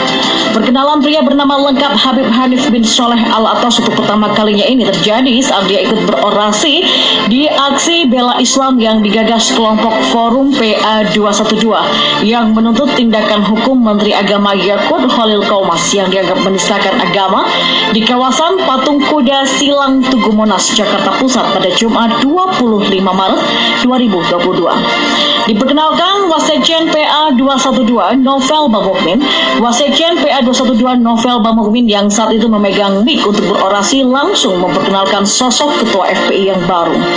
Hanif pun langsung mengambil alih mikrofon dan berbicara dengan pengeras suara. Dia langsung tancap gas menyerukan lima tuntutan. Wakil Sekjen 212 Novel Bamukmin mengatakan akan aksi demo dan laporkan Menteri Agama Yakut ke Mabes Polri. Hanif meminta penista agama untuk ditangkap. Selain itu, Hanif juga menuntut supaya kasus unlawful killing atau pembunuhan tanpa putusan pengadilan pada Laskar FPI juga harus dituntaskan. Menurutnya, kasus pembunuhan Laskar pengawal Habib Rizik itu sudah masuk dalam kategori pelanggaran hak asasi manusia. Karena itu, kasus tersebut harus diselesaikan seadil mungkin. Ya, menantu Habib Rizik Sihab yaitu Hanif Al-Atas diperkenalkan sebagai ketua FPI yang baru langsung menuntut Presiden Jokowi mundur. Dia juga menyerukan agar pemerintah untuk segera mengakhiri upaya kriminalisasi pada para ulama yang kerap bersikap kritis. Di samping itu, Hanif juga menuntut agar pihak penguasa tidak mempraktekkan oligarki. Dia pun kemudian menuntut pada pemerintah untuk menghentikan Islamofobia. Hanif pun menegaskan apabila berbagai tuntutan itu tidak dipedulikan atau dijalankan oleh Presiden Jokowi, maka sebaiknya mantan Gubernur DKI Jakarta itu mundur dari jabatannya. Sementara itu, politisi PDI Perjuangan Rusi Tompul menyindir aksi bela Islam 2503 yang digelar di kawasan Patung Kuda, Jakarta Pusat pada Jumat 25 Maret 2022 kemarin. Ruhut menilai kelompok kadal gurun atau kaldrun yang menggelar aksi bela Islam itu semakin gila sebab jelas dia aksi demonstrasi yang bertujuan untuk membela agama tersebut malah menuntut agar Presiden Jokowi mundur. Hahaha, makin pesong atau makin gila aja barisan sakit hati kaldrun ya. Demo bela agama, eh taunya bukan bela agama tapi minta Pak Jokowi mundur. Jadi ketahuan nih mereka pendatang di Indonesia tercinta nggak tahu ya disuruh mundur Presiden RI ke-7 yang kerja keras untuk rakyat yang merdeka. Kata Ruhut pada Sabtu hari ini lewat akun Twitternya. Dan memang seperti diketahui PA 212 dan beberapa ormas Islam lainnya berencana untuk menggelar demonstrasi bertajuk Aksi Bela Islam 2503 di depan Komplek Istana Kepresidenan Jakarta Pusat. Dalam aksi tersebut para masa PA 212 akan menyampaikan sejumlah tuntutan, salah satunya dengan menangkap para penista agama. Hal tersebut disampaikan Ketua Umum PA 212 Selamat Ma'arif. Seruan aksi ini juga disampaikan lewat beragam poster digital. Dalam poster itu tertulis seruan saatnya kita kembali berjuang turun bersama untuk bela agama Allah yang dinistakan. Ada juga tulisan apa pun ormasnya partainya, majelis taklimnya, ikuti. Masa aksi pun juga meminta Presiden Joko Widodo untuk mundur. Ya, PA 212 sendiri membacakan surat terbuka untuk Presiden Joko Widodo. Surat terbuka itu dibacakan oleh Ketua Umum PA 212 Selamat Ma'arif dalam aksi bela Islam 2503 di depan Monumen Nasional atau Monas, Jakarta Pusat kemarin. Ada tiga poin yang disampaikan Selamat Ma'arif. Yang pertama meminta Presiden Jokowi untuk bertobat karena ia menilai membiarkan kasus penistaan agama secara masif berkembang di Indonesia serta tidak menindak tegas pelakunya. Yang poin kedua adalah PA 212 meminta Presiden Jokowi tegas menjunjung tinggi nilai Pancasila. Dan yang ketiga, menuntut kepada Presiden untuk tidak melindungi mereka yang melakukan penistaan dan penodaan agama yang ikut bercokol pada lingkaran-lingkaran kekuasaan di jabatan apa pun. Masa aksi bela Islam 2503 mulai mendatangi area patung kuda kemarin tepatnya di depan Monas di Jalan Medan Merdeka Barat, Jakarta Pusat pada Jumat 25 Maret 2022. Mereka terlihat langsung membuat barisan tepat di depan Monas dengan satu unit mobil komando yang memimpin orasi dan diawali salawat Nabi Muhammad Sallallahu Alaihi Wasallam.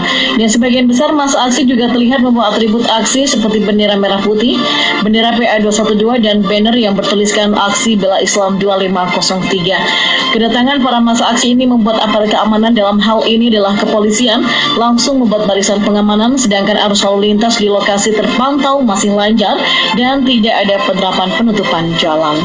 Front Persaudaraan Islam atau FPI kini punya ketua baru, dia adalah menantu Habib Rizik Sihab Hanif Al-Atos yang langsung bersikap galak untuk menuntut Presiden Jokowi mundur dari jabatannya. Perkenalan pria bernama lengkap Habib Hanif bin Soleh Al-Atos untuk pertama kalinya ini terjadi saat dia ikut berorasi di aksi bela Islam yang digagas kelompok Forum PA 212 yang menuntut tindakan hukum Menteri Agama Yakut Khalil Kaumas yang dianggap menistakan agama di kawasan Patung Kuda Silang Tugu Monas, Jakarta Pusat pada Jumat 25 Maret 2022. Diperkenalkan Wasekjen PA 212 Novel Bamukmin, Wasekjen PA 212 Novel Bamukmin yang saat itu memegang mic untuk berorasi langsung memperkenalkan sosok ketua FPI yang baru. Hanif pun langsung mengambil alih mikrofon dan berbicara dengan pengeras suara. Dia langsung tancap gas menyerukan lima tuntutan. Wakil Sekjen 212 Novel Bamukmin mengatakan akan aksi demo dan laporkan Menteri Agama Yakut ke Mabes Polri. Hanif meminta penista agama untuk ditangkap. Selain itu, Hanif juga menuntut supaya kasus unlawful killing atau pembunuhan tanpa putusan pengadilan pada Laskar FPI juga harus dituntaskan. Menurutnya, kasus pembunuhan Laskar pengawal Habib Rizik itu sudah masuk dalam kategori pelanggaran hak asasi manusia, karena itu kasus tersebut harus diselesaikan seadil mungkin. Ya, menantu Habib Rizik Sihab yaitu Hanif Al-Atos diperkenalkan sebagai ketua FPI yang baru langsung menuntut Presiden Jokowi mundur. Dia juga menyuruhkan agar pemerintah untuk segera mengakhiri upaya kriminalisasi pada para ulama yang kerap bersikap kritis. Di samping itu, Hanif juga menuntut agar pihak penguasa tidak mempraktekkan oligarki. Dia pun kemudian menuntut pada pemerintah untuk menghentikan Islamofobia. Hanif pun menegaskan apabila berbagai tuntutan itu tidak dipedulikan atau dijalankan oleh Presiden Jokowi, maka sebaiknya mantan Gubernur DKI Jakarta itu mundur dari jabatannya. Sementara itu, politisi PDI Perjuangan Rusi Tompul menyindir aksi bela Islam 2503 yang digelar di kawasan Patung Kuda, Jakarta Pusat pada Jumat 25 Maret 2022 kemarin. Ruhut menilai kelompok kadal gurun atau kaldrun yang menggelar aksi bela Islam itu semakin gila sebab jelas dia aksi demonstrasi yang bertujuan untuk membela agama tersebut malah menuntut agar Presiden Jokowi mundur. Hahaha, makin pesong atau makin gila aja barisan sakit hati kaldrun ya. Demo bela agama, eh taunya bukan bela agama tapi minta Pak Jokowi mundur. Jadi ketahuan nih mereka pendatang di Indonesia tercinta nggak tahu ya disuruh mundur Presiden RI ke-7 yang kerja keras untuk rakyatnya merdeka.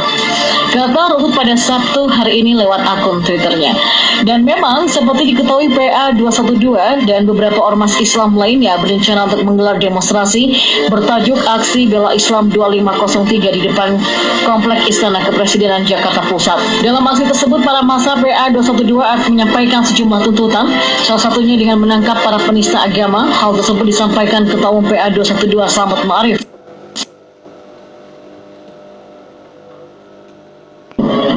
Siapa yang mau dikontak atau didatangi? Pak SBY misalnya?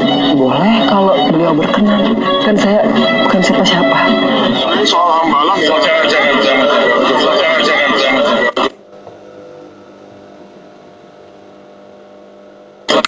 Jangan, jangan, jangan. Amarah udah jelas nggak ada apa-apa. Saya ikhlaskan. Dan saya berdoa. Ya mudah-mudahan Pak SBY sekeluarga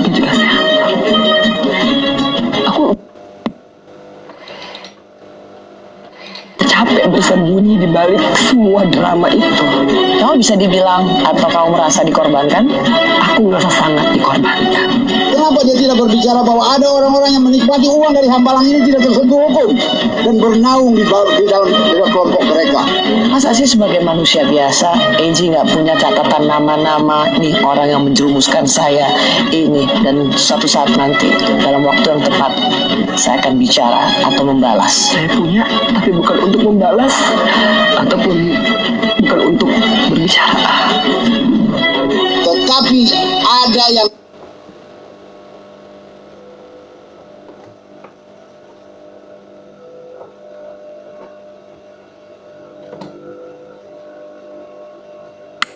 tidak tersentuh hukum. Yang juga menikmati hasil dari sini ada yang tidak tersentuh hukum. Sampai hari ini.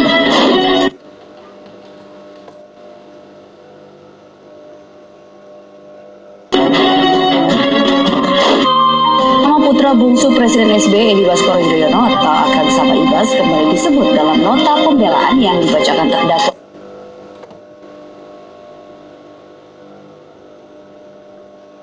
Kasus korupsi Anas Urbaningrum. Anas menuding Ibas adalah termasuk salah satu orang yang seharusnya turut bertanggung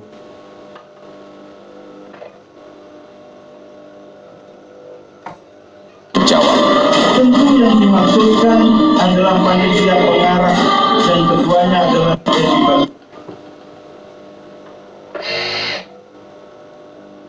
Yudhoyono sebagai pihak yang paling paham tentang seluruh rangkaian acara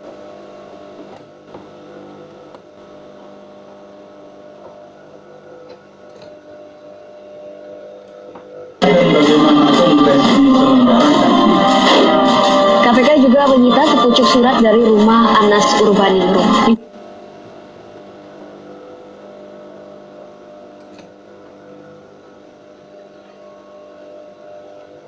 Surat itu menyebutkan Presiden Susilo Bambang Yudhoyono menerima sejumlah aliran dana hasil korupsi untuk kampanye pemilihan presiden 2009. Demokrat Muhammad Nazarudin dalam kesaksiannya. Nazar menyebutkan ada aliran dana senilai 1 miliar rupiah dan 250 ribu dolar Amerika ke Ibas Yudhoyono. soal uang aliran yang pertama kan niatnya untuk dikasih hambalang kan uang itu di compare ke Wisma Atlet. Nilainya hampir 20 miliar. Salah satunya yang ke Mas Ibas.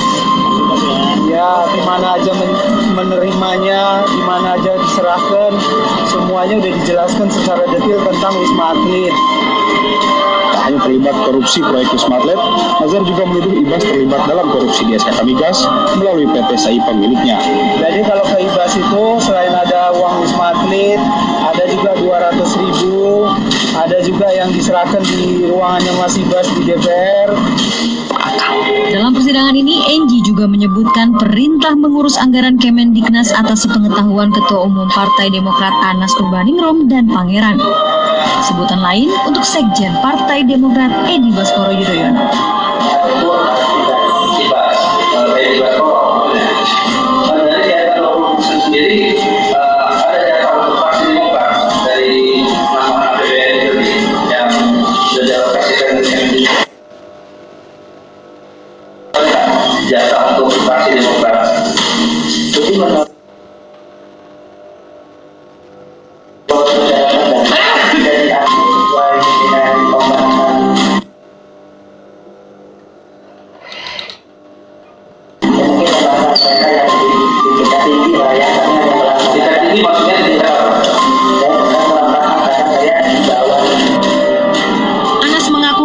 Keterlibatan Ibas dalam proyek SEA Games dan Hambalang.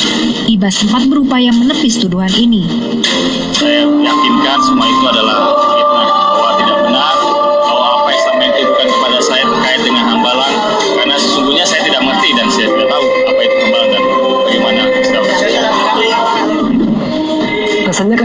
usang juga. Bukankah ini demi kebenaran? Kebenaran di dunia ini, apakah ada kebenaran? Apakah ada keadilan? It's my question to myself. Gitu. Karena I was looking for it years by years. Counting days. Hopefully it will come. Dan until today, aku hopeless untuk mencari keadilan. dan kebenaran. So I just wanna make myself easy to be a mom. Angelina Sondah, Demokrat terima 20% dari tiap proyek. Dilansir dari CNN Indonesia.com, diberitakan mantan anggota DPR dari fraksi Partai Demokrat, Angelina Sondah, menyebut partainya itu mendapat jatah 20% dari tiap proyek yang digarap pemerintah. Hal tersebut diungkapkan Angelina saat bersaksi dalam sidang kasus korupsi proyek pembangunan rumah sakit atau RS Universitas Udayana dan Wisma Atlet bagi terdakwa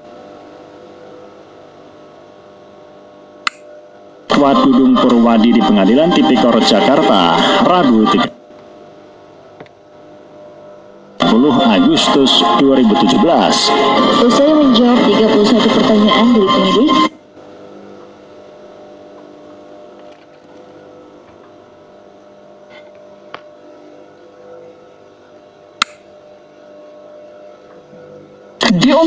tujuh fakta Fadlizon yang diduga terlibat dalam pendanaan tindak pidana terorisme.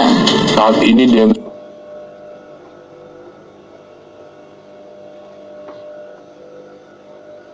Sus 88 fokus pada tindak pidana terorisme di mana di dalamnya termasuk perkara pendanaan teror. Penyidik belum melihat dari pendekatan pidana pencucian uang tetapi lebih kepada pendanaan aktivitas teror yang dilakukan. Belakangan lagi rame beredar dokumentasi foto yang memperlihatkan bahwa wakil ketua DPR saat itu sedang memberikan sumbangan secara simbolik kepada teroris. Orang ini bukan main-main, dia bukan tersangka lagi. Jelas-jelas dia adalah orang berbahaya bagi negeri ini. Ketika berita itu ramai beredar, si mantan wakil ketua DPR itu mulai ketar-ketir dan jungkir balik mengeluarkan jurus berkelitnya. Nah, saya berpikir saya sangat yakin seorang politisi kelas kakap, sekelas Fadlizon yang pernah menjadi wakil ketua DPR RI tidak mengetahui bahwa hasil itu telah ditetapkan oleh PBB pada bulan Maret 2015 sebagai organisasi teroris. Detasmen khusus 88 anti teror Polri tidak boleh tarik gigi mundur untuk melakukan tindakan kepolisian mengungkapkan dugaan keterlibatan Fadlizon dan Fahri Hamzah. Fadlizon dan Fahri Hamzah wakil ketua Dewan Perwakilan Rakyat Republik Indonesia atau DPR RI untuk periode 2014 sampai 2019 lalu. Fadlizon dari Partai Gerakan Indonesia Raya atau Gerindra dan Fahri Hamzah dari Partai Keadilan Sejahtera atau PKS kala itu. Fadlizon kembali terpilih menjadi anggota DPR RI hasil pemilu untuk tahun 2019 tapi Fahri Hamzah tak lagi menjabat karena ada konflik internal dengan PKS. Fadlizon dan Fahri Hamzah mesti diperiksa dalam kaitan dugaan pendanaan tindak pidana terorisme. Dimas Angga Persyada tertangkap karena terlibat tindak pidana terorisme pada Rabu 9 Maret 2022 lalu. Dimas Angga Persyada dijaring melanggar Undang-Undang Nomor 5 Tahun 2018 tentang perubahan atas Undang-Undang Nomor 15 Tahun 2003 tentang penetapan peraturan pemerintah mengganti Undang-Undang Nomor 1 Tahun 2002 tentang pemberantasan tindak pidana terorisme menjadi undang-undang. Dimas Angga Persyada dari Hilal Ahmar Sosiet Indonesia atau HASI menerima aliran dana dari Fadlizon dan Fahri Hamzah sebesar 20.000 US dollar di gedung DPR RI Jakarta pada 28 Mei 2015. Lewat media sosial, warganet mengungkapkan nama Fadlizon dan Fahri Hamzah sebagai telah membantu pendanaan kegiatan terorisme di Suriah pada 28 Mei 2015 lewat Angga Dimas Persyada dan HASI, sebuah organisasi yang terafiliasi dengan organisasi teroris Jemaah Islamiyah atau JI. Dan inilah fakta-fakta versi dari warganet. Ya, inilah tujuh fakta yang mengungkap dugaan keterlibatan Fadlizon dan Fahri Hamzah dengan kegiatan terorisme. Antara lain, yang pertama, Angga Dimas Persyada adalah pimpinan HASI, sebuah organisasi teroris terlarang yang berafiliasi kepada Jamaah Islamiyah atau JI sejak tahun 2011 dan sekarang sudah ditangkap oleh Densus 88 anti teror Polri. Yang kedua, Fadlizon dan Fahri Hamzah telah menyerahkan dana 20.000 US dollar melalui dan atau diterima oleh Angga Dimas Persyada selaku pimpinan HASI pada 28 Mei 2015 di gedung DPR RI. Yang ketiga, nama Angga Dimas Persyada masuk dalam daftar terduga teroris dan organisasi teroris teroris atau DTTOT dengan nomor PA 1 garing 2040 garing 9 garing 2015 tanggal 30 November 2015. Yang keempat, Halsi adalah bagian dari jaringan teroris JE sebagai organisasi terlarang oleh PBB dan juga oleh putusan Pengadilan Negeri Jakarta Pusat tahun 2015. Dan yang kelima, Fadlizon tidak mendukung Densus 88 anti teror Polri untuk memberantas teroris bahkan menuntut Densus 88 anti teror Polri untuk dibubarkan. Yang keenam, Fadlizon dan Fahri Hamzah atas nama jabatannya selaku Wakil Ketua DPR RI untuk periode 2014-2019 memberikan bantuan dana kepada Hasi. Dan yang ketujuh, Dimas Angga Pusada, terduga teroris dari Hasi telah ditangkap Densus 88 anti teror Polri pada tanggal 9 Maret 2022. Ketujuh fakta sosial tersebut perlu dikembangkan menjadi alat bukti hukum melalui tindakan kepolisian berupa penangkapan terhadap Fadlizon dan Fahri Hamzah demi kepentingan pembuktian atas dugaan pendanaan terorisme sebagai suatu perbuatan yang dilarang dan diancam dengan penjara.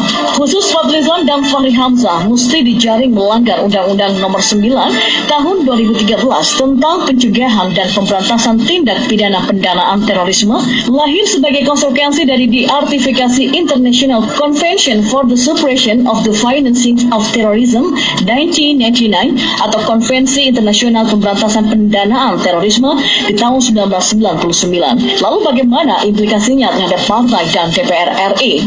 Baik Fadlizon ataupun Fahri Hamzah ketika penyerahan dana bantuan 20.000 US dollar kepada Hasi pada 28 Maret 2015, keduanya adalah pimpinan DPR RI, sedangkan di partai politik. Fadlizon adalah wakil ketua umum Dewan Pimpinan Pusat Partai Gerindra dan Fahri Hamzah adalah sekjen Dewan Pimpinan Pusat PKS atau DPP PKS kala itu. Karena itu perlu dilakukan penyelidikan dan penyidikan tentang kemungkinan Partai Gerindra dan PKS serta institusi DPR RI terlibat dalam pendanaan terorisme. Pada saat itu terduga terorisme Angga Dimas Persyada telah ditangkap Densus 88 anti teror Polri pada Rabu 9 Maret 2022.